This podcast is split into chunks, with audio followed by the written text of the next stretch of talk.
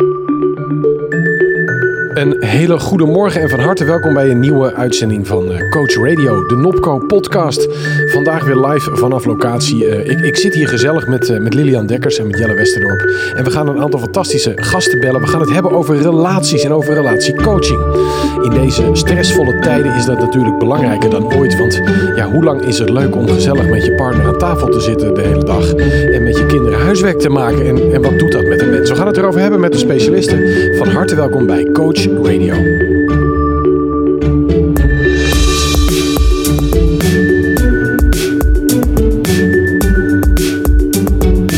Goedemorgen, lieve luisteraars. En goedemorgen ook Lilian. Hi, hoi. Goedemorgen Jelle. Goedemorgen. Arvid. Wij zitten hier gezellig aan de keukentafel met eh, alle microfoons en alle rommel. Met een kopje koffie. Keurig op afstand. Check, ja. Ja. Hoe gaat het met jullie, eh, Lilian? Hoe gaat het met jou? En, en eh, hoe gaat het met het gezin in de relatie en eh, tot de coronatijd, zeg maar? Nou, gelukkig gaat het met mij heel goed. Ehm, ik werkte al best wel veel vanuit huis en dat heb ik alleen maar meer eh, efficiënt kunnen inrichten. Dus dat vind ik, eh, ben ik heel blij mee. Ehm, en ik ben samen met een ondernemer en, uit de ehm, nou ja, hardst getroffen branche. Uit de En, horeca? Uit de horeca. Ja. En ja, die heeft al de eerste paar weken met witte knokkels zo nu en dan achter zijn laptop gezeten. Maar inmiddels zijn daar mooie plannen ook uit en heeft hij prachtige scenario's gemaakt. Dus ja, over eh, ehm, crisis, eh, eh, relaties in crisis, dat is wel erg interessant. Maar doet, wat het- gebeurt doet er het iets met je dat je de hele dag bij elkaar thuis bent? Verandert er iets? In die zin dat je dus nog meer van elkaar meekrijgt. Dus mijn vriend, mijn, mijn partner heet Maarten en die werkt ook wel regelmatig thuis. En dan kun je nog wel eens regelmatig even op pad of eventjes een boodschap doen of even ertussenuit. Nou ja, dat werd nu natuurlijk sterk ontraden. Eh, dus dat betekent dat je eigenlijk grotendeels eh, thuis bent en ook in de weekenden ergens naartoe gaat. En dat was dan wel eh, lastig om af en toe ontspanning te zoeken, zowel samen ontspanning zoeken, dus zonder kind, eh, als ook eh, tijd alleen te nemen, waardoor je weer fris eh, aan samen kunt eh, beginnen, zeg maar, of weer verder kunt. Ja. En bij jou, Jelle, hoe is het bij jou thuis? Want jij hebt eh, twee grote zoons. Heb, krijg jij er iets van mee of is het gewoon eh pijs en vree in Huizen Westerdorp? Het is pijs en vree. Ja? Echt. Dat Ja. gaat gewoon allemaal gewoon heel prettig door. Ja, het gaat heel prettig door. Wat ik wel merk is dat eh, onze oudste zoon die studeert biologie in Groningen. Daar is al heel, eh, heel snel gezegd... we stoppen met fysiek lesgeven, het gaat digitaal. En ik merk dat hij dan zijn eigen eh, kamer een beetje ehm, zat is. Ja. Dan zit hij in de huiskamer te studeren en eh, heeft ook nog een honorsprogramma heeft hij erbij. Dus hij is echt heel hard aan het werk. En dan merk ik dat ik een beetje op tenen loop wanneer hij aan het studeren is, dan eh, toch even niet de vaatwasser aan, of toch even niet stofzuigen, of toch even niet eh, de dingen doen die ik van plan was te gaan doen. Dan zoek ik daar een andere plek voor. En mijn vrouw is heel druk geweest met haar onderwijzerstaak, omdat ze eh, onderwijzer is in een eh, hele laaggeletterde wijk hier in Drachten. Die heeft heel veel werk om die kinderen erbij te krijgen. Maar ze heeft de ouders er ook bij. Want die leren nu eigenlijk ook wat de kinderen eh, nu leren. Ehm, dus ze heeft bijna een dubbele bezetting aan wie ze dingen leert. Dus het is voor haar eh, een hele intensieve tijd. Daarnaast eh, studeert ze nog een, een master. Ja, eh, dat maakt dat ik de facilitator ben. Thuis. En maar maar doet, dat, ook iets- doet, dat, doet dat iets met jou? Heb je daar, heb je daar, ervaar je dan ook van, ik krijg meer stress daarvan? Of gaat je dat goed af? Het gaat me heel goed af, maar wat ik wel merk is dat ik het ook wel eens zat ben om voor iedereen te zorgen en te zorgen dat alles maar goed loopt en dat ik mezelf eigenlijk op de vierde plaats zet. Dat, Ja, is, ja, dat is niet mm, echt mijn plek. Ja, dat wilde ik eigenlijk ook vragen, want dat schoot me te binnen net dat je aan het vertellen was. Ehm, eh, hoe zit het met je eh, beschikbaarheid, met je eigen beschikbaarheid en de beschikbaarheid van de ander? Zeker op het moment dat we nu dus alles digitaal eh, willen doen en ook, kunnen aanbieden. Dus er zijn nou ja, veel online activiteiten en veel werkzaamheden zijn naar online verschoven. Maar wat zegt dat over onze beschikbaarheid en over beschikbaarheid voor het gezin of voor je relatie of voor jezelf? Want dat is misschien wel een beetje uit Ja, als, jij die, geraakt. als je die vraag zelf beantwoordt, wat zegt dat het voor jou? Nou, ik denk dat wij de eerste twee, drie weken, dus toen eh, alles net eh, op zijn hoogtepunt was, zeg maar, of in elk geval qua maatregelen, ehm, dat de beschikbaarheid voornamelijk naar anderen uitging. Hè? Dus er, er waren wat, wat, nog wel wat brandjes te blussen. En uh, dan is er dus weinig beschikbaarheid voor thuis. Dus ik lag bijvoorbeeld vroeg op bed, maar die werkte tot laat door. Uh, samen eten was af en toe een beetje onhandig. Uh, wat doen we dan met die kleine? Um, ja. ja. dus die beschikbaarheid, dat was eigenlijk een beetje versnipperd. In plaats van gecentreerd, ja. Nou, ik merkte dat het in het begin uh, was het eerst even heel schattig, want je hebt heel veel tijd met elkaar. Op een gegeven moment dacht ik, er zit ook een soort timer op de on onvoorwaardelijke liefde die op een gegeven moment. ja, je denkt, ja, nou, tik-tak, tik-tak, tik-tak. En ja. het is gewoon belangrijk dat je tegen elkaar af en toe zegt, dat hadden wij dat voor de crisis ook, wat je af en toe zegt, ik heb nu gewoon even alleen tijd nodig. Move, of ik ga weg, of de rest moet even weg, maar het is nu even klaar. Ja. Want anders dan kun je je gewoon uh, ja, niet meer herstellen of zo van die stress. Dus ik, ik weet niet wat het is. We gaan het er vandaag geval over hebben met drie experts. Ik wil, hebben jullie ervaring met relatiecoaching zelf? Of uh, heb, je, heb je dat ooit gedaan? Heb je al stellen begeleid? Ik heb niet professioneel stellen begeleid, maar ik heb wel vragen gehad van uh, mensen uit mijn omgeving die wisten wat voor werk ik deed, of ik dus een gesprek met die en een gesprek met die wilde hebben. Dus ik heb dat uh, nou, uh, wel eens gedaan en ik weet dat het ook geholpen heeft, maar het is niet mijn métier. En, en wat, wat zijn jullie ver verwachtingen? Want we gaan vandaag drie experts bellen. Wat zijn jullie verwachtingen bij het thema relatiecoaching? Denk je dat ze het heel veel drukker hebben gekregen? Nou, misschien nu, nog niet. Nog niet? Nee, waarom niet? Nou ja, uh, ik heb samen met Maarten zijn wij, uh, hebben een aantal keer een relatiecoaching gevolgd na de geboorte van onze oudste dochter. En um, dat was eigenlijk heel verhelderend, omdat je dus zo in je eigen patroon zit. Nou, het krijgen van een kind is een, een live event. En we merkten dat we eigenlijk het allebei anders beleefden. Ik zat vol op het kind en, en Maart dacht, ja, waar, hè, hallo, waar ben ik dan? En dat hebben we dus besproken met, uh, met, een, met een therapeut. En dat was eigenlijk zo prettig om dan dus weer te kunnen spreken over de achterliggende waarden. Waarom je dus iemand waardeert. En um, ik zag dat een van die andere dames dat ook uh, benoemt op haar website, een van onze experts. Uh, dat je dus niet hebt over de emotie die in het moment waar je dan last van hebt. Maar dat je echt kijkt naar van hé, hey, wat, wat is het achterliggende behoefte of het achterliggende verlangen.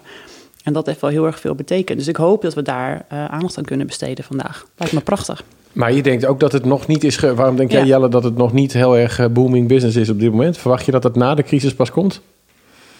Het heeft met de dynamiek te maken. Dynamiek is toch een op- en neergaande lijn. En we zitten nu in een bepaalde, uh, ja, in een bepaalde lijn dat het eigenlijk opging naar een weg vinden in dat we allemaal met elkaar thuis zijn. En er komt weer een ander moment. Dus er is weer een kanteling in die hele dynamiek. En daar gebeurt het. In die trendbreuk van waar men nu in zit, zie je en merk je dat er nieuwe verhoudingen ontstaan. Die verhoudingen moeten, die kunnen niet meer terug naar hoe het was. En dus het zoeken naar die nieuwe verhouding, daar zal denk ik het plaatsvinden. En dat moment hebben we nog niet. Duidelijk, we gaan het erover hebben. We gaan zo meteen bellen met uh, Lia Laupman, oprichter en eigenaar van uh, Lucida Mediation en Coaching. En uh, ja, wanneer bellen mensen een coach en wanneer een mediator? En wat ziet zij in crisistijd veranderen? Onze volgende gast is dus aangesloten als geaccrediteerd practitioner coach bij de NOPCO. Van harte welkom, Lia Laupman.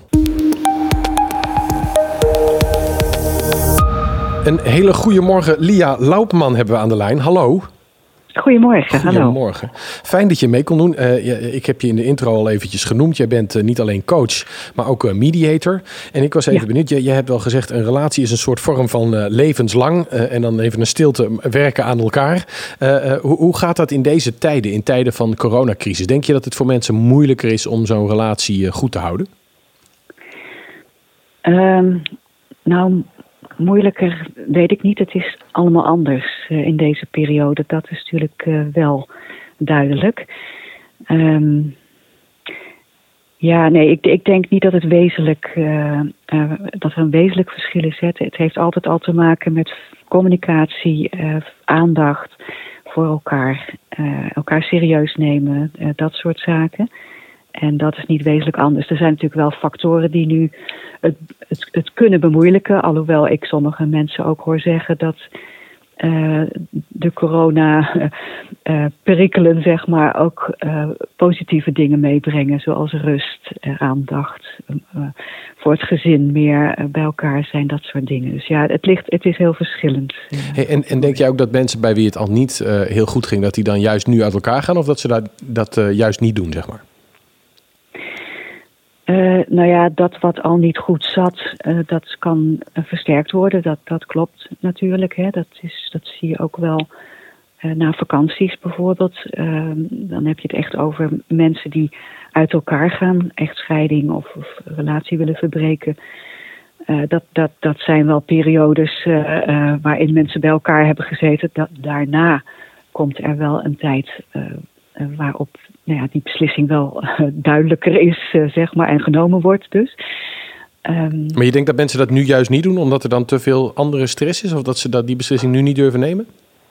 Nou, dat, nee, dat, dat weet ik niet. Daar is denk ik, dat is nog het tijdsvak nog te kort voor, denk ik. Hè. Er wordt wel verwacht dat er heel veel uh, relaties verbroken zullen gaan worden.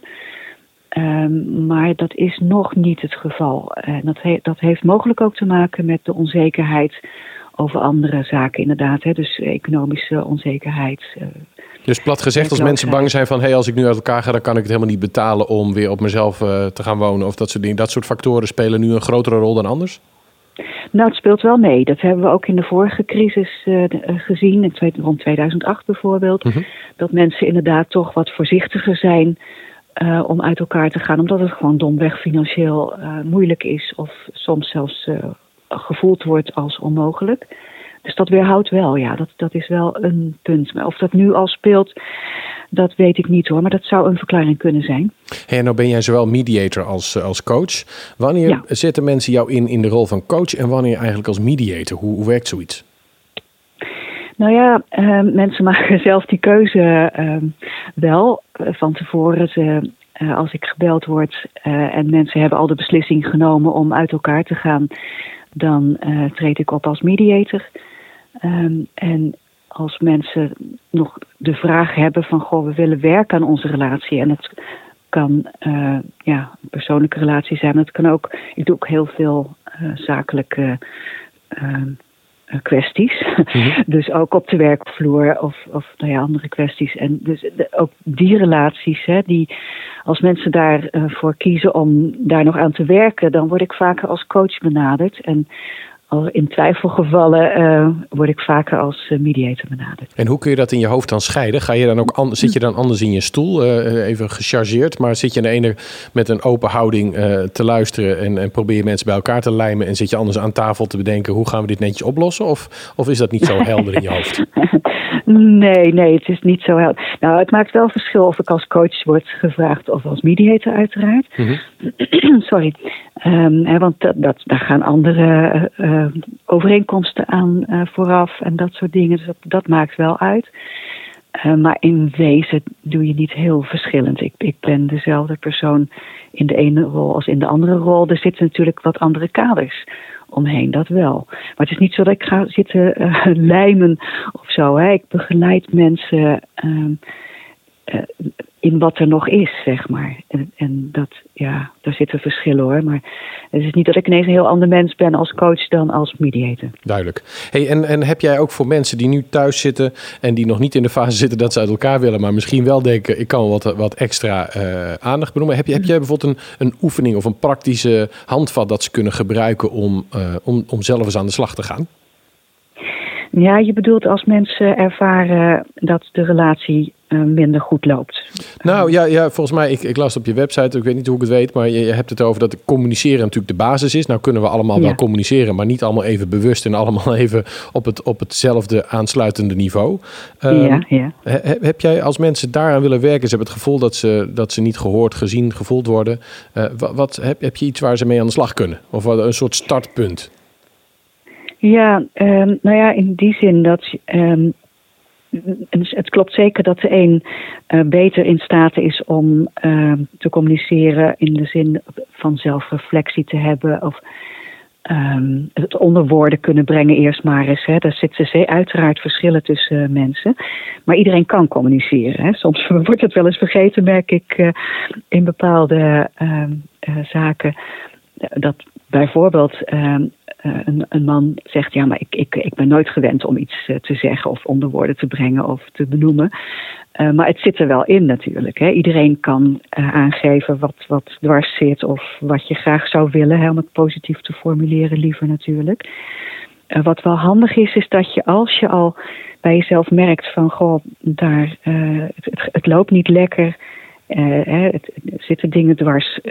Benoem naar de ander waar je zelf last van hebt. Mhm. En uh, dus probeer niet te zeggen, goh, jij doet dingen verkeerd of jij zou dit of dat moeten, maar zeg van, goh, ik, ik merk dat ik last heb van, of ik merk dat de laatste tijd, uh, hè, nou ja, wat er dan ook maar is. En dan kun je wel naar de vragen wat, wat de beleving van de ander is. Dus hoe, hoe, hoe zie jij dat? Of heb ik dat alleen? Of merk jij ook iets uh, hierin? En, en als we nou even die, die stereotype man pakken, want je noemde hem al even, hè, die uh, ja, heeft jongens huilen niet. Hè, dat is een beetje soms, sommige ouderwetse situaties. Hè. Ik, ik voel me niet uh, heel hard aangesproken, maar, maar hey, uh, mannen moeten af en toe niet zeiken over dat, dat ze niet over een gevoel kunnen praten. Dat hebben ze natuurlijk ook gewoon. Maar als je dat Zeker. lastig vindt of omdat je... Mm -hmm. Het spannend vindt omdat je bang bent voor de reactie. Is, is dan de, veilige manier dat je dus bij jezelf houdt en bijvoorbeeld zegt: Ik heb echt even tijd voor mezelf nodig. En ik merk dat ik anders gewoon overspannen raak. Is dat een manier waarop je dat veilig kunt zeggen? Ja, dan, uh, dat is wel een manier. Dat roept wel mogelijk op dat de ander zich buitengesloten voelt, als je het zo formuleert. Ik Daarom bellen we jou, jij kunt me helpen. ja, ja, ja, nou ja, als je het, het zelf wil formuleren, dan ja, woorden zijn gewoon belangrijk. Ehm, de, dus ja, liever het gesprek aangaan, dan zeg ik, ik heb nu even, ik, ik wil geen gesprek met je, ik, ik, ik moet het zelf even verwerken. Het kan, het kan waar zijn, het kan ook nodig zijn, zo bedoel ik het niet. Maar belangrijk is wel dat je vooral aandacht hebt voor de ander. Uh, maar even heel concreet, in dit, in dit voorbeeld, dan kan ik dus beter zeggen: Ik wil heel graag even met je praten, want ik heb het gevoel dat ik de spanning niet aan kan. Ja, dat, dat komt al heel anders over, uh, inderdaad. Okay. Ja, ja maar dan deel je toch ook meteen wat je dwars zit. Dus je geeft gelijk openheid van zaken. Dus je deelt meteen Zeker. een stukje gevoel. Ja, ja, maar goed, omdat dat misschien moeilijk is, daarom, daarom probeer ik het even in een voorbeeld te gieten. Want voor, hè, anders blijven we in, in, in de uh, semantiek uh, hangen. Maar ik heb ook wel een concrete vraag nog aan Lia. Um, je noemt uh, op de website noem je uh, echtscheidingsonderwerpen. Zoals bijvoorbeeld mm -hmm. kinderen, inkomen, woning, um, vermogen, um, verzekeringen enzovoort. Mm -hmm. merk jij nou vaak dat dat pas besproken wordt op het moment dat er al sprake is van uit elkaar gaan?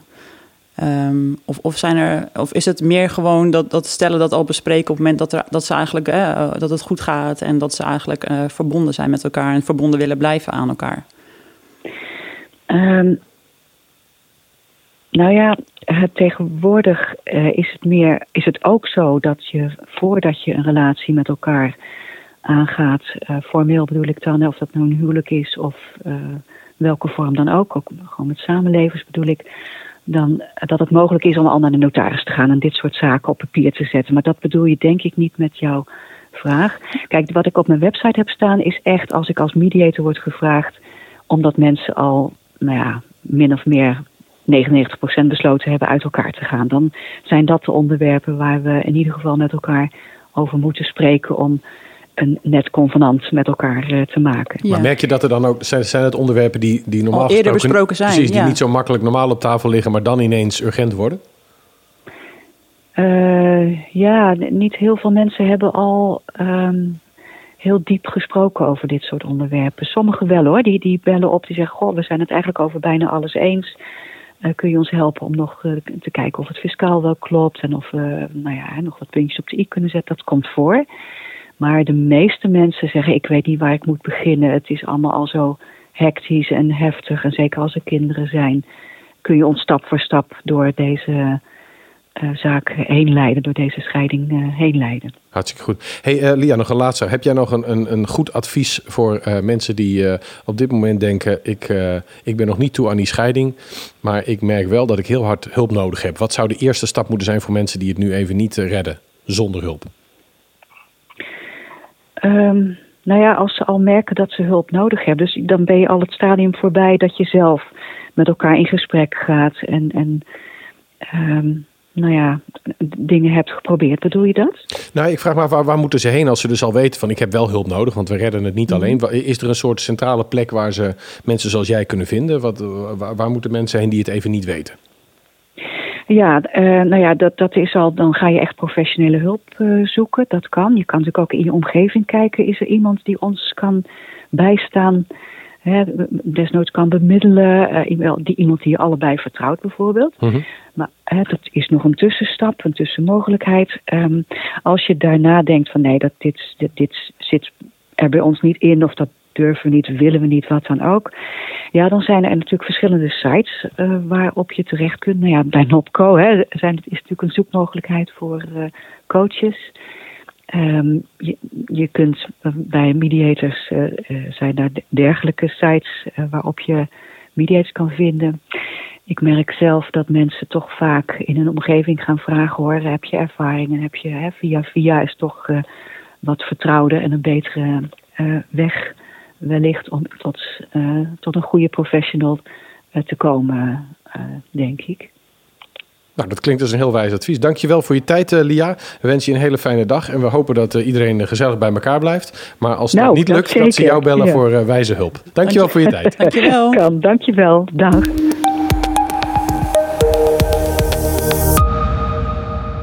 Ja, wat vond je ervan, Lilian? Ja, mooi. Uh, wat doet ze bijzonder werk? Zeker omdat ze uh, mediation met coaching uh, mag afwisselen. Lijkt me heel interessant om mm -hmm. ja, te doen wat zij doet. En uh, ik vond vooral heel erg mooi dat zij uh, de nadruk legde op uh, het hebben van de bereidheid om in gesprek te zijn met elkaar. Dat vond ik mooi. Ja. Lijkt me ook een goed begin van ja. een gezonde relatie. Ja, precies. Hey, onze, onze volgende gast is Lianda van der Knaap. Samen met haar partner runt ze relatieontwikkeling.com, een, een website die hoort bij haar bedrijf Organamic. En met haar spreken we over wat je nou kunt doen als de stress oploopt om problemen te voorkomen. Ze is als senior practitioner coach aangesloten bij de NOPCO en ze omschrijft haar werk als volgt. Het enige dat ik niet doe is de boedel verdelen op het einde. Dus we gaan bellen met Lianda van de Knaap. Goedemorgen Lianda, live vanuit huis. Ja, goedemorgen. Hartstikke fijn dat jij tijd voor ons kon vrijmaken. Hey, ja. In, uh, in uh, tijden van de coronacrisis, merk jij dat er uh, meer spanning komt te staan op, op relaties? Um, een beetje dubbel. Uh, er zijn stellen waarbij ik het inderdaad uh, merk. Um, omdat die het toch wat lastiger vinden om vaker dichter bij elkaar te zijn. Uh, waar werk ook en, en structuur van de dag ook een beetje afleiding geeft. Dus als het een beetje slechter al zit in de relatie, wordt het moeilijker. maar stellen die het eigenlijk goed hebben samen, die knappen er ook van op. Die gaan samen dingen doen en die voelen meer verbinding. Dus ik zie beide. Nou, dat, dat is in ieder geval ho hoopgevend. Mooi. Hey, en, en hoe doe je dat zelf? Want jij runt ook met jouw partner, run jij een bedrijf. heb, heb je dan ja. zelf ook dat het allemaal goed gaat in coronatijden? Uh, ja, en we letten er ook op. We okay. zijn bewust aandachtig en we vragen af en toe aan elkaar: gaat het nog goed? Okay. En zitten we elkaar niet te veel op de huid? Want dat moet je gewoon af en toe ook bespreken met elkaar. Zo hou je het ook gezond. Hey, en en uh, nou heb jij ook verstand van, van hoe je uh, een beetje preventie kunt doen. Ik was benieuwd of jij voor, voor mensen, zowel voor coaches als voor mensen die gewoon luisteren en in een, in een relatie zitten, of je tips hebt vandaag van wat, wat kun je doen om het beter te maken juist in deze tijd? En hoe kun je, zoals jij dat doet, ook positief gebruik maken van deze periode? Um, en en uh, Arvid, denk je dan aan stellen die het wat moeilijker hebben? Of denk je aan stellen die het wat makkelijker hebben? Nou, aan wat is, voor soort stellen denk jij? Ik denk aan stellen die, die op dit moment denken... die crisis mag voor mij wel achter de rug zijn... want het, het, de, de limiet is wel bereikt. En niet zozeer omdat ze het slecht ah, ja. hebben... maar omdat het ook gewoon wel veel is. Oké, okay, omdat het wel veel is. En uh, die stellen waarvan... want uh, kijk, als het wat stressvol is in een relatie... En met al dat corona uh, krijg je nog meer stress en onzekerheid. En dan kan je het wel eens een beetje op elkaar gaan afreageren. En dan wordt het niet leuk op thuis. Mm -hmm. Dat soort stellen, dat bedoel je dan, hè? Dat je, en dat die dan denken van nou, het is nu al klaar. Ik ben blij dat, ik, uh, hè, dat je weer de deur uit bent. Of dit, dat ik weer de deur uit Ja, en die het moeilijk vinden om dat bespreekbaar te maken misschien. Hè? Want, want jij zegt, ik, wij hebben het daar, daar heel bewust over. En we ja. spraken net ook al met, uh, met Lia. En, en uh, ja, die zei ook, sommige mensen kunnen dat nog niet. Die kunnen nog helemaal niet aangeven. Zeker, zij noemde als voorbeeld dat er natuurlijk een hoop mannen zijn... die, die net doen alsof ze niet over een gevoel kunnen praten. Of daar zo mee Mhm. -huh. opgevoed zijn. Hè? Dus, dus Mhm, wa, wa, wat, wat, waar kunnen mensen beginnen? Wat, wat zijn, uh, waar ligt voor jou de focus als het gaat op, op, over preventie zeg maar, van de, van de Ja. problemen? Ja, nou, en- en een van de dingen is, stellen moeten niet hun relatie als vanzelfsprekend nemen, maar bewust aandacht geven aan elkaar. Met aandacht groeit alles en ook je relatie. Mhm. Dus eh, je zou elkaar bewust echt aandacht kunnen geven. En eh, aandacht is, eh, ga zitten met elkaar. Eh, kijk elkaar aan. Ga zo dicht bij elkaar zitten dat je elkaar even kan aanraken. En vertel iets wat je belangrijk vindt. En dat hoeft niet altijd helemaal je gevoel te zijn als je dat nog te moeilijk vindt. Maar je kan ook beginnen met, goh, ehm, wat zie ik eigenlijk als, als kwaliteit in onze relatie? En je mag misschien ook zeggen in deze coronatijd, dat mis ik een beetje nu. Want we zitten een beetje te dicht op elkaar. Maar dat vond ik zo leuk aan ons. Waardoor er weer echt contact is. Aandacht is echt um, uh, de manier om elkaar het gevoel te geven. Je doet ertoe, je gevoel doet ertoe. Uh, want dat is een essentie waar een relatie over gaat. Dat je mm -hmm. voelt, hé, hey, ik ben bij jou en ik kan voelen dat ik belangrijk voor je ben. En dat mijn gevoel jou ook raakt. En dat je dus aandacht is altijd het sleutelwoord. Dus de brandstof voor maar, de relatie. Ja, is echt brandstof. Als je dat niet doet, dan gaat het versloffen. En dan gaan mensen voelen van ja, ik ben hier zomaar. En uh, ik, ga, ik voel me meer de huishoudster dan dat ik je partner ben. Of uh, ik voel me meer uh, degene die, nou weet ik wat, de inkomsten inbrengt. Maar die vanzelfsprekendheid, dat is echt killing. Dus daar moet je uit. -hmm. Dus aandacht is er één. En wat je ook bijvoorbeeld kunt doen, is jezelf echt je mind zetten op een stukje positieve bekrachtiging. Hè? Dus leg eens het accent op wat er goed gaat, in plaats van het accent steeds te leggen op wat je vindt dat er niet goed gaat. Want anders wordt het een self-fulfilling prophecy dat je je partner beklaagt dan beklaag je je partner. En als je daarin terecht komt, dan kan ik ook wat van zeggen hoor. Van wat kan je dan doen om daar een beetje uit te komen. Maar als je jezelf aan de voorkant bedenkt, vandaag ga ik een beetje zitten op positief partnerschap. Want mensen zijn ook net als vliegen, je vangt ze toch echt meer met stroop dan met er zijn. Zo is het ook. Mm -hmm. Dus het, je doet het gewoon beter op een positieve benadering dan dat je steeds te horen krijgt wat er aan je mankeert of wat niet lekker gaat. Maar is, en, is een relatie ook, oh, is het per definitie iets waar je altijd aan kunt werken? Want uit onderzoek is gebleken dat mensen die uitgehuwelijkt zijn, uh, even gelukkig zijn gemiddeld met hun uh, relatie als mensen die er zelf voor gekozen hebben. Uh, is ja. het iets wat je kunt creëren? Is het maakbaar, een goede relatie? Ja, een, een, relatie, nou, het, het, je moet het zelfs maakbaar maken, want vanzelf gaat het niet. En er zijn, echt wel, er zijn echt wel sleutels die wij weten en ook uit onderzoek weten wat je moet doen om een relatie goed te krijgen. En ook als je uitgehuwelijk bent, kun je dus daaraan werken en dan krijg je echt een liefdevolle relatie. Mm -hmm. uh, maar ook als het niet zo lekker gaat, je raakt een beetje kwijt, om dat bewust terug te pakken, daar herstel je echt je relatie mee. En er zijn gewoon keywoorden voor. Wil je die weten? Vind ja, natuurlijk. Ja, nee, ik, ja. Ik, ik, zit ademloos te luisteren. ja. Kom maar door. Dus, hè, dus, dus hoe, hoe je echt, en dan noem ik dan hè, een emotioneel veilige band of een sterke band met elkaar creëert, is let erop dat je bereikbaar en benaderbaar bent voor elkaar. En hoe dus doe je dat als je dat. Als je, hebt, hoe weet je dat je dat bent? Hè? Want als ik nou denk dat ik dat ben. Ja, ik heb dat nog niet echt gevraagd. Uh, ik kan het straks even aan Lilian vragen of ik bereikbaar en benaderbaar ben. Maar uh, hoe weet je of je dat bent? Nou, dat een hele goede is wat je nu zegt. Vraag het even aan de ander. Maar let erop, als de ander mij nodig heeft of mij zoekt, ben ik dan met mijn, ga ik dan met mijn aandacht naar je toe? Of zeg ik ja, ha, maar ben ik ondertussen met mijn gedachten nog een vergadering aan het voorbereiden of weet ik veel wat. Hè? Mm -hmm. Dus ben, dan ben ik niet bereikbaar. Laat ik, laat ik me vinden als de ander me zoekt. Maar dat is wederkerig, hè? een relatie is wederkerig. Zoek ik ook mijn partner op als ik iets heb. Dus het is laat je vinden, maar zoek de ander ook op. Dus dat is die bereikbaarheid is een hele belangrijke. Bereikbaar en benaderbaar. En vervolgens komt dan, als je dan contact hebt, wees dan echt aandachtig. Laat je raken. Luister goed naar zo'n verhaal of naar wat iemand zegt of uh, uh, hoe de ander zich voelt, zodat je betrokken daarbij bent. Dat je voelt van hé, hey, dit raakt mij ook. Maar nou zeg jij ook van, hè, dat is gebaseerd op wederkerigheid, een volwassen relatie. Ja. Nou is het ja. zo dat uh, twee derde van de mensen is gezond gehecht, daar zal dat best aanwezig zijn, maar een derde is dat niet. Zie je dat ook uh -huh. meteen terug? Zoeken die mensen ook elkaar op in relaties? En wat doe je als die wederkerigheid echt wel een obstakel blijkt? Ja, nou een beetje afhankelijk van hoe je dan zeg maar niet zo uh, goed gehecht bent, heb je de neiging om de ander een beetje te veel op te zoeken. -huh of een beetje te weinig op te zoeken. Dus ja. dat je de neiging hebt om een beetje te mijden. En hier, hier is sleutelwoord bewustwording. Weet dat, ken je eigen geschiedenis, weet dat je die neiging hebt. Bespreek het ook met je partner en ga dit samen aan. Je bent samen in de relatie. Dus soms heb je het zelf niet door, maar dan kan je partner wel tegen je zeggen van hé, hey, ik merk dat je me weer heel erg opzoekt. Mm -hmm.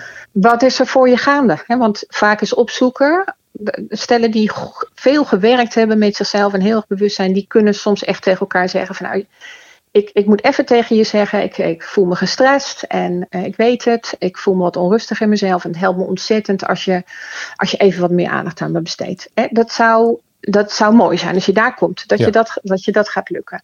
De meeste mensen zeggen, eh, moet je nou weer weg? Ja. Vind je die andere dan zoveel belangrijker dan ik ben? Hè? Dus zoiets. Hè? Dus, dus het, het is hetzelfde gevoel, maar het komt er anders uit.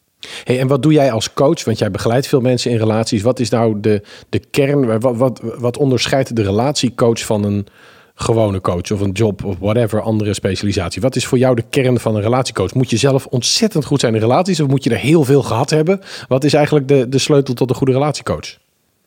Nou, in, in mijn beleving, hè, en de, misschien eh, dat verschillende relatiecoaches daar ook verschillend over denken, maar in mijn beleving moet je snappen waar relaties in essentie over gaan en wat hun functie is. En dan moet je de mens in zijn essentie ook begrijpen. Want wij mensen zijn allemaal te kwetsbaar, ook in onze volwassenheid, om het alleen te doen. Mhm. We denken wel het alleen kunnen, maar bedenk maar eens dat je echt alleen op een eiland zit. En dat je dan je voedsel met alle complexe eh, vitamintjes en mineraaltjes, eh, eh, je gedachten, je emoties, dat je het allemaal alleen moet doen. Mhm. Dat, ga je niet, dat ga je niet volhouden. Daar ga je aan dood. Ja. Dus wij hebben echt anderen nodig. En onze partner speelt de hoofdrol in. Die, die moet ons het meest diep begrijpen, voelen, eh, eh, eh, bij ons zijn, voor ons zorgen. Kijk, dat iemand anders nou geen aantal ons geeft, Allah, maar op cruciale momenten.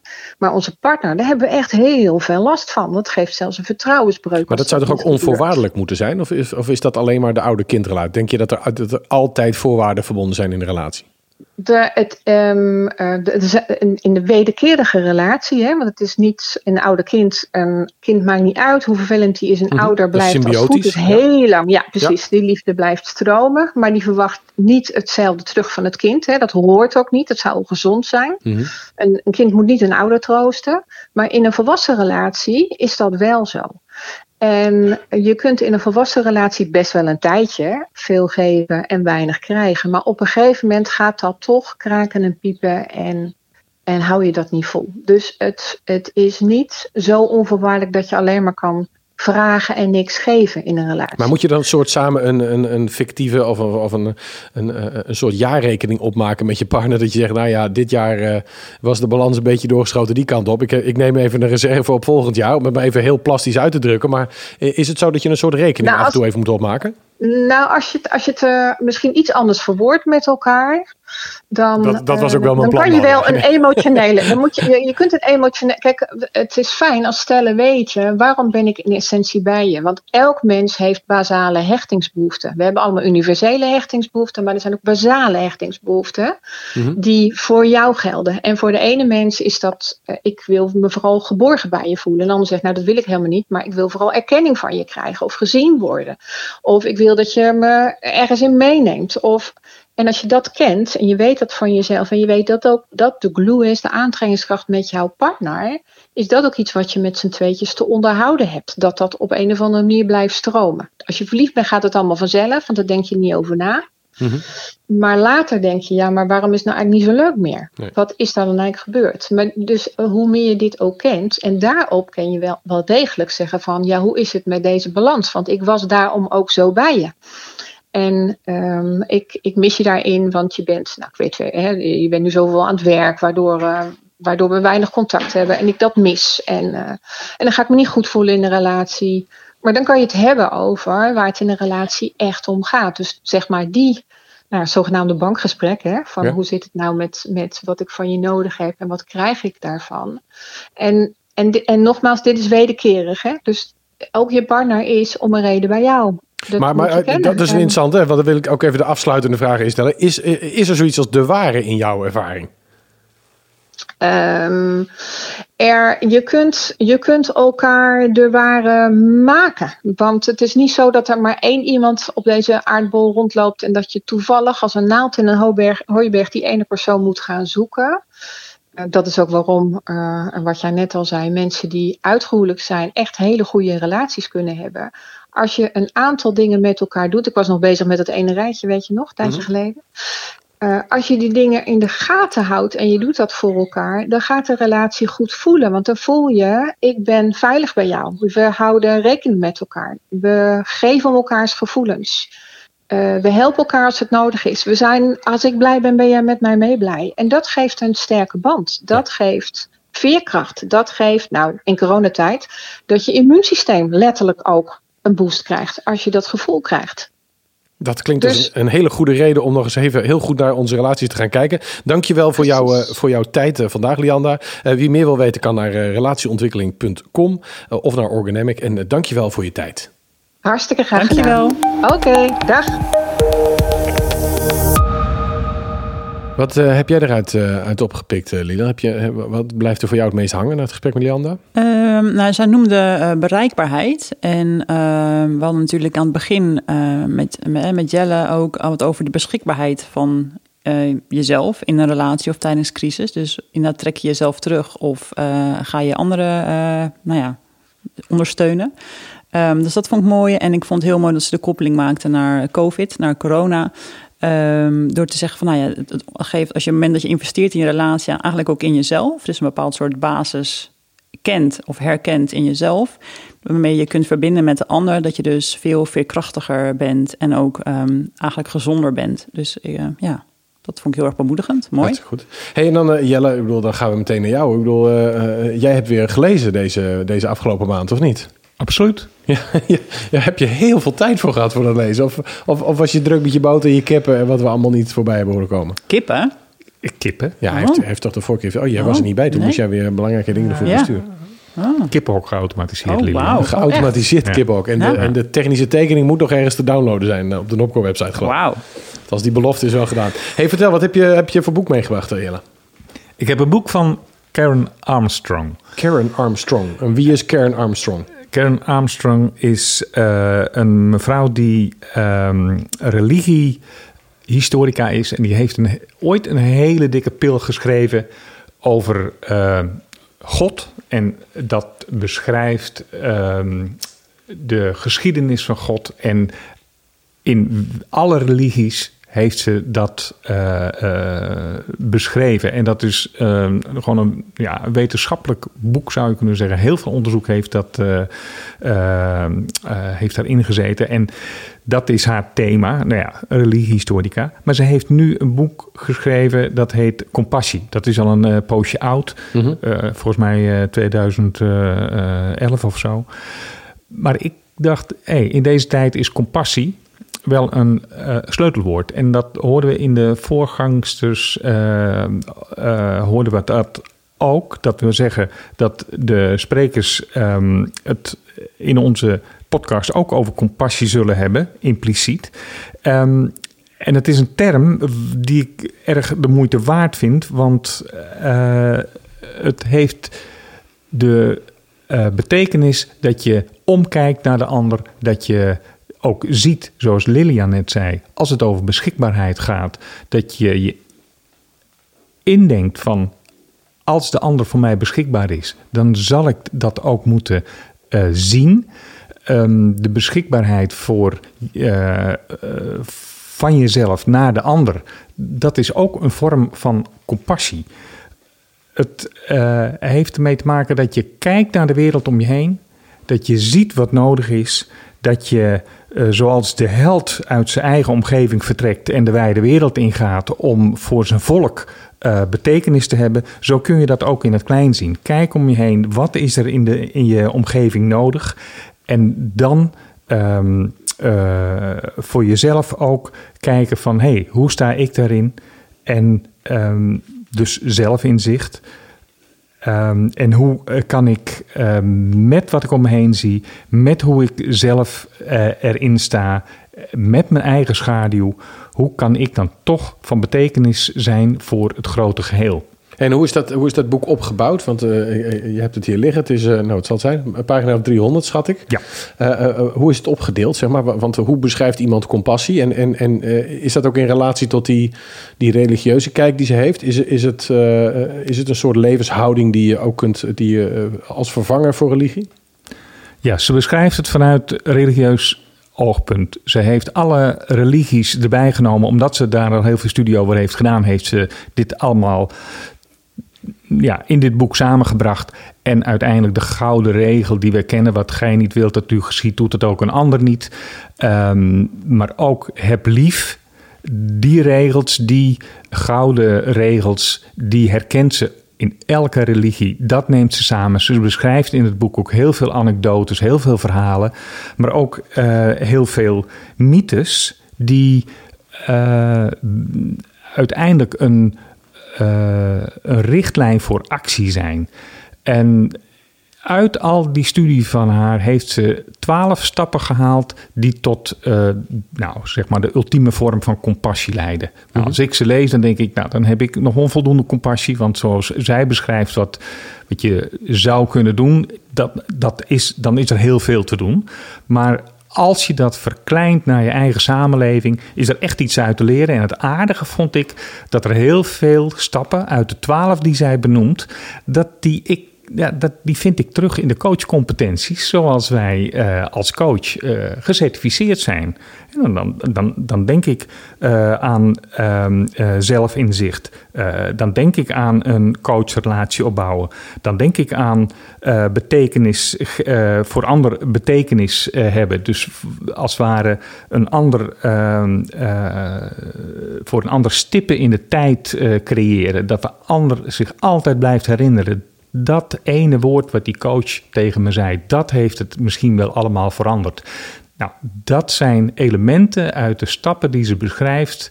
Uh, die tot compassie leiden. En dat maar, zelf in zegt van, uh, oh sorry. Ja. Nou, ik, ik, was eigenlijk heel erg benieuwd, Jelle. Um, maar heb je dan compassie of uh, doe je dan, praktiseer je compassie? Want je geeft net aan, of is misschien dat je dan, doordat je het praktiseert, dat je het gaat hebben? Ja, net zoals een relatie waarvan je kunt zeggen, dat moet je uitoefenen, dat moet je leren, dat moet je praktiseren. Is compassie ook praktiseren? Je zult er heel veel werk voor moeten doen om tot compassie te komen en op die manier uh, het uit te voeren. Want je zult in jezelf uh, heel veel anders moeten leren zien. Andere mensen leren zien zoals ze zijn een andere wereld leren zien zoals het is, een andere cultuur leren zien zoals die werkelijk is, dan pas kun je indenken en inbeelden en empathie opbrengen. En dat is een stap naar compassie. Maar je dus begon met, met, met, met die, attitude. Die competentie van zelfinzicht, begint het ook ja. met zelfcompassie? Als je niet van jezelf houdt, dan kun je ook niet van een ander houden. Staat ook ergens in die vele boeken van, van uh, de religie. Ook dat benoemt zij. Ja, absoluut. En, en nou is dat, dus het andere boek heb je ernaast liggen over al die religies. Dus dan zie ik, uh, nou ja, alles voorbij komen. De, de islam, de, het christendom, het jodendom. Ja. En voor mij als atheïst is dit ook van toepassing of val ik weer eens buiten de boot? Hou je van jezelf, Arvid?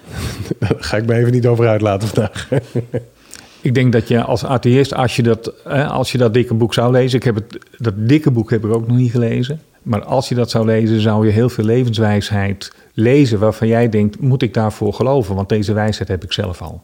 Oké, okay. dus het is van uh, het boek is die, die compassie is voor iedereen. Het is dus niet ja. gekoppeld aan mensen die een religieuze invalshoek hebben. Niet, absoluut um, niet. En, en uh, als je denkt, ik, heb, ik beschik wel over compassie, of dat, dat mm -hmm. krijg je ook wel van mensen te horen mm -hmm. in je werk. Uh, kun je het dan ook nog upgraden? Kun je het beter maken? Kun je dat laten groeien nog? En hoe dan? Ja, ik denk, psycholo psycholoog René Keet, die noemt uh, compassie onze drijfveer om ons onvermoeibaar in te zetten om het leed van de medemens te verlichten. En om ook afstand te doen van onze troon in het middelpunt van de wereld en daar een ander te laten plaatsnemen. Als je dat in je om laat gaan, dan denk ik, ja, je kunt die onvermoeibaarheid je in te zetten om het leed van de anderen te verlichten, dat kun je altijd nog beter doen. En je kunt altijd minder jezelf op de eerste plaats zetten. Dus je reptiele brein, je reptiele brein van ja, ik eerst, want het gaat om mij. Om dat naast je neer te leggen en om daarboven te staan. Maar, maar dat kan, blijft kan een je hele fulltime doen? Ik wil, er zijn van die mensen die zitten bij Artsen zonder Grenzen. Alle respect ervoor. Ik, ik, ik zie mezelf af en toe echt wel iemand anders op die troon zetten. Maar om dat nou fulltime te gaan doen, ja, dat klinkt ook wel heel altruïstisch. Is dit een parttime baan? Compassie? Waarom zou je het altijd doen? Ja, dat weet ik niet. Daarom stel ik die vraag aan jou. Jij Nee. hebt het boek gelezen. Nee. Van, Nee. wa- waar, eh, is dit iets wat je dus continu maar de hele dag moet bezigen? Of is het iets wat je in een moment even eh, specifiek aandacht moet geven? Het is toch een attitude, dus het begint met zelfcompassie. Dus op het moment dat je niet naar jezelf kunt kijken met compassie... en je kunt zien dat het allerlei schakeringen heeft, moeilijk woord... Uh, dan ja, ik denk dat het is, toch? Het heeft allerlei maar kleuren, allerlei lagen. Ik kan soms compassie voor mezelf hebben en, en, en wat milder kijken. En soms geef ik mezelf gewoon een schop de ja. denk ik, buiten. Wat heb je nou weer? Ja. Je hebt het versodemiet, het versteerd. Ook weer een raar woord. Een Jiddisch woord is dat, hè? Hij op een B. nee, maar, maar is, daarom stel ik me de vraag, Jelle, van, van hoe, hoe... Nou ken ik jou als iemand die wat, wat meer fulltime compassie heeft dan ik, vermoed ik zo. Maar is dat, is dat een gradatie? Is het iets wat je moet nastreven? Hoe werkt zoiets? Het nastreven uh, is niet, ik zou willen zeggen, het is niet verplicht, Arvid. Maar het kan je helpen waardoor je uh, een, een, een, grotere bewegingsvrijheid eigenlijk hebt in je relaties uh, en de dynamiek die daaruit uh, voortkomt. En nee, zeker niet is het zo dat je compassie altijd moet laten zien. Want er zijn voorbeelden, er schijnen anekdotes van zuster Therese te zijn... waarvan je denkt, nou, dat is de grootste compassie die er is. Nou, dat is ook iemand geweest die zo hard uit de bocht kon vliegen... omdat ze wilde bereiken wat ze wilde bereiken voor de mensen die het nodig hadden. En dat ze de mensen die het al beter hadden op hun plek heeft gezet... op een hele hardhandige wijze. Um, dus je kunt niet tegelijkertijd met iedereen en alles compassie uh, hebben. Je zult een keus moeten maken van voor wie uh, ga ik? En dan wordt wel duidelijk gezegd: compassie is met degene die het minder heeft dan jij, maar ook heel anders is. En de compassie heeft dan tot doel om tot elkaar te komen. Dus de verschillen zo klein mogelijk te maken. Want heel veel verschillen zijn bedacht. Mm -hmm. En door je buiten je eigen gedachten te dwingen, zie je dat de verschillen vaak oplossen. En ja, je zou ook kunnen zeggen: moet ik die compassie echt uitvoeren? Of is het dat de ander de compassie ervaart bij jou? Ja, het kan ook zijn dat de ander de compassie ervaart, terwijl je daar zelf niet het idee bij hebt dat je daar heel druk mee bent. Dan zei Lianda net, je beslist eigenlijk wie de ware is door ervoor te kiezen, want dan wordt die vanzelf de ware. Is dat ook wat met compassie, dat je kiest voor iemand in wie je wilt investeren en dat je daardoor ook de tijd en energie neemt om je erin te verdiepen? Exact. En dat is ook een prachtig verhaal wat in dit boek staat. Dat is van een... Uh, uh, een meisje wat een droom had, die uh, droomde: ik moet kinderen in Vietnam helpen. 30 jaar later is ze in Vietnam en uh, is ze daar kinderen aan het helpen. En alles wat haar beperkt in het helpen van die kinderen, dat slaat ze als het ware van eraf. En dan zegt ze ook van, ik ben gewoon ook maar een mens. En ik kan me ook geïrriteerd voelen. Ik kan ook ruzie maken. Ik, maar hier heb ik voor gekozen. En deze kinderen, die hebben mij nodig. En ik voel dat ze uh, dat ik er voor hen ben. En dat doet ze met hart en ziel, vol compassie. Uh, en zeker als je haar levensverhaal uh, even kort leest in het boek, dan denk ik, ja, daar zit een hele groei in. Waar heel veel van die twaalf stappen doorlopen zijn. Oké. En um, ik moest namelijk ook net even nog aan Lianda denken, maar ik, kwam eigenlijk terug op essentie. Dat als je in compassie samen kunt kijken en dan kunt, dus, kunt begrijpen dat je anders ziet, dat dat misschien wel de uh, essentie is. Dus dat je niet allemaal hetzelfde ziet, maar als je kunt, samen kunt kijken vanuit uh, compassie.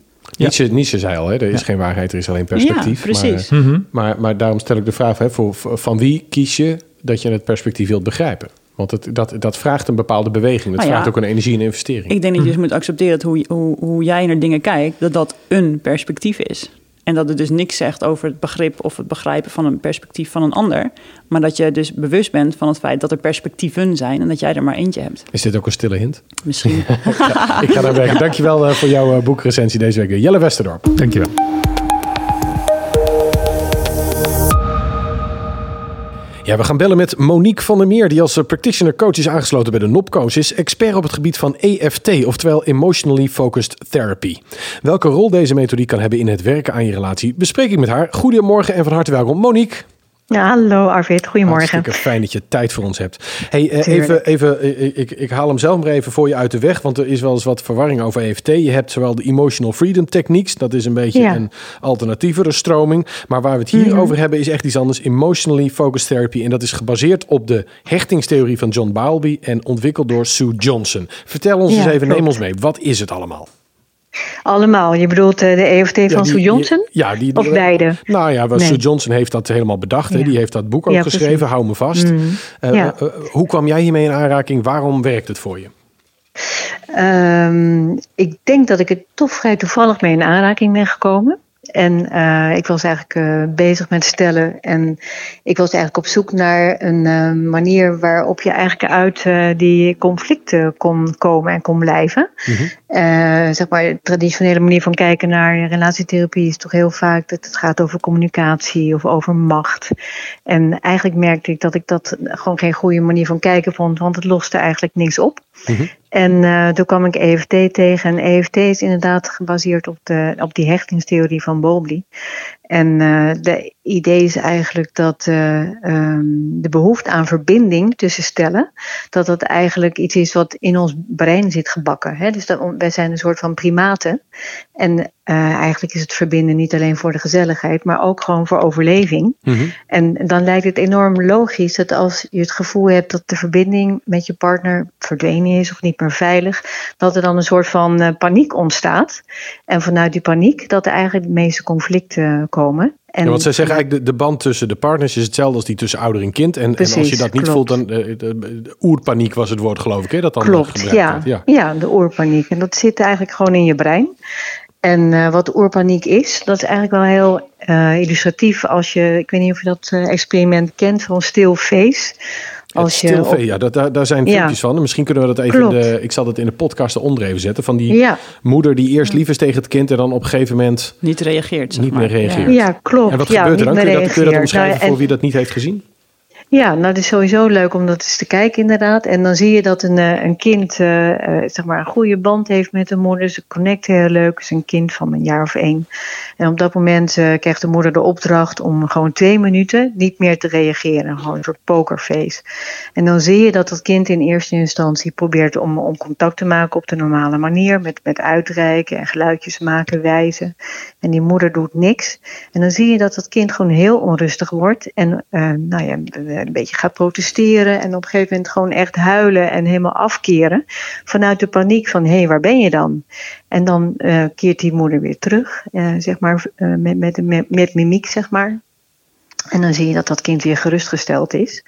En dat is eigenlijk het idee wat bij volwassenen, bij, bij stellen ook gebeurt. Het idee van uh, ben je er nog voor mij? Ben je te bereiken? Uh, ben je ontvankelijk? Als je het gevoel hebt dat dat niet meer zo is, dan ontstaat een soort van oerpaniek.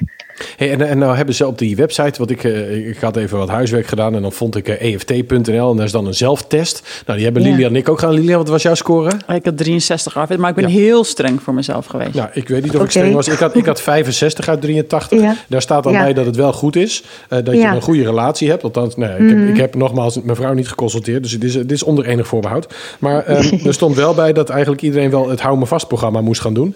Uh, ja. Is dat dan belangrijk? Is het ook belangrijk als je denkt, nou, er is, niet, uh, er is niet echt een groot probleem. Moet ik daar alsnog wel in gaan investeren? Zou je dat, zou je dat aanraden?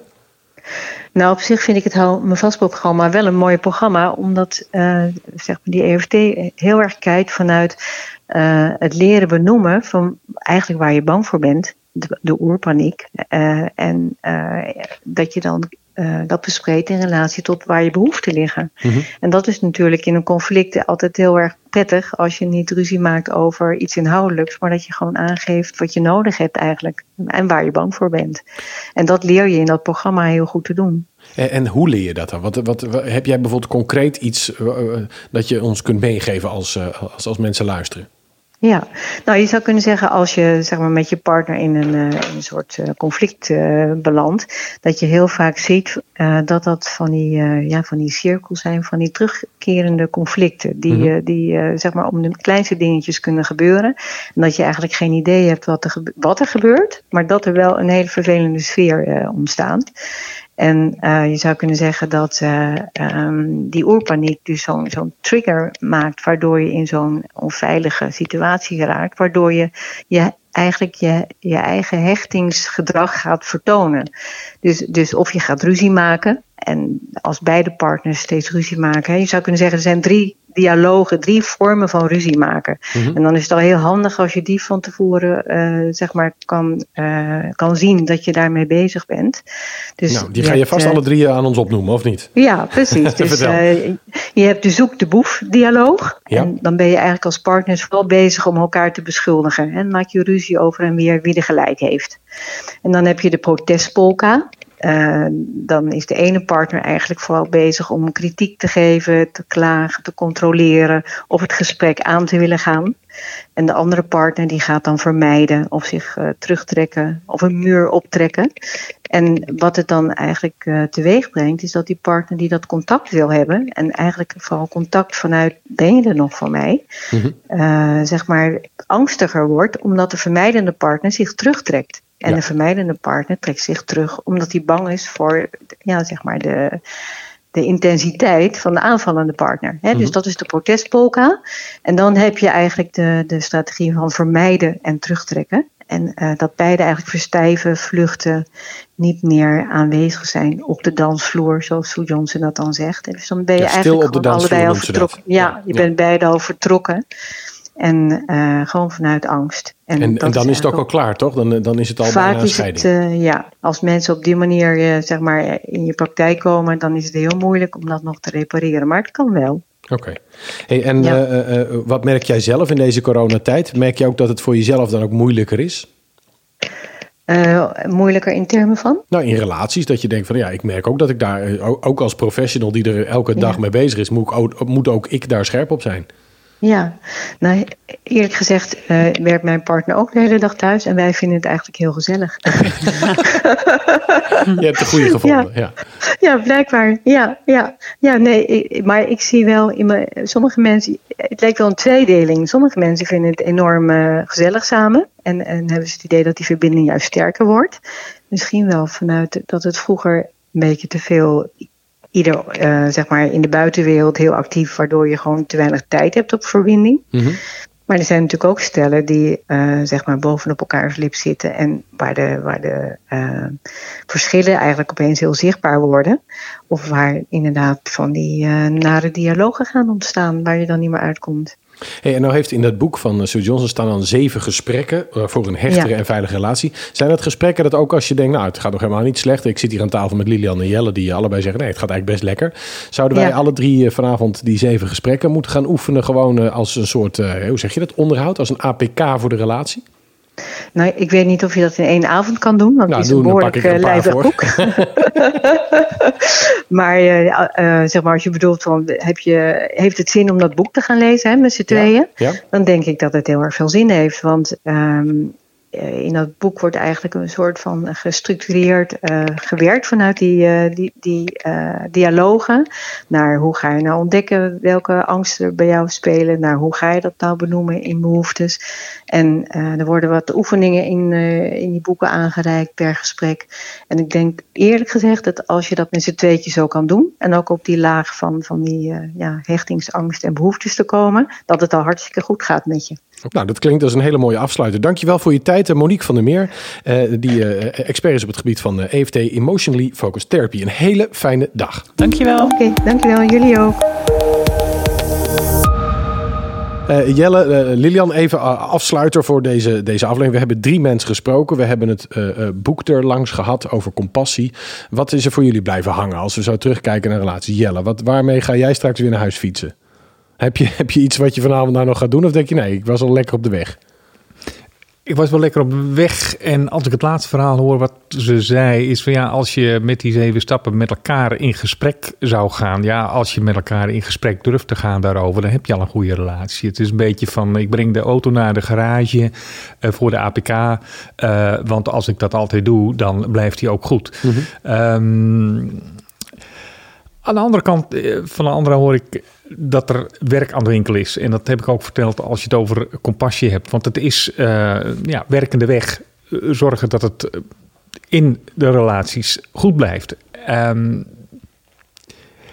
dat is werk. Je, of er nu een corona is of niet, het zou altijd moeten. Oké, en Lilian, jij hebt al eerder heel bewust besloten op een, op een kruispunt in je leven, een, mooi kruispunt van, van de geboorte van je, van je dochter, van hé, hey, we gaan daar aandacht aan besteden. Heb, wat heb jij dan vandaag opgestoken? Denk je van ja, dat was toen goed en dat blijven we doen? Nou ja, ik denk dat letterlijk de titel van het boek van Sue Johnson, dat alles omvat, hou me vast. Mhm. En ehm, dat op het moment dat je in afstemming of in compassie naar elkaar kunt kijken, dat je dan dus de essentie hebt van je, je, je, je bent in verbinding met elkaar, je hebt elkaar letterlijk vast. En in tijden van crisis of in tijden van als je je onveilig voelt, want daar gaat het dan om, uh, kun je een grip uh, versterken, bekrachtigen, of juist misschien wat losser laten, al naar gelang wat iemand dus in afstemming nodig heeft. Dus ik, ik ben heel erg voor hou me vast, of nou. hou elkaar vast. Hartstikke goed. Daarmee gaan we afsluiten, dames en heren. Houd elkaar vast. Misschien een beetje meer dan anders. Gewoon omdat het kan en omdat we elkaar veel meer zien. Uh, ben jij nou uh, nieuwsgierig naar EFT? Kun je naar EFT.nl. De, de drie coaches wil ik heel erg hartelijk uh, bedanken die ons geholpen hebben. Lia, Lianda en Monique. Je kunt ze natuurlijk vinden op de website van de Nopco. Dan kun je hun eigen websites ook weer bekijken. En je helemaal inlezen op deze methodiek. We, we horen je graag weer. We gaan in juni weer een nieuwe podcast opnemen. En dan gaat het allemaal over trauma. Dankjewel voor het luisteren. En heel graag tot de volgende volgende keer.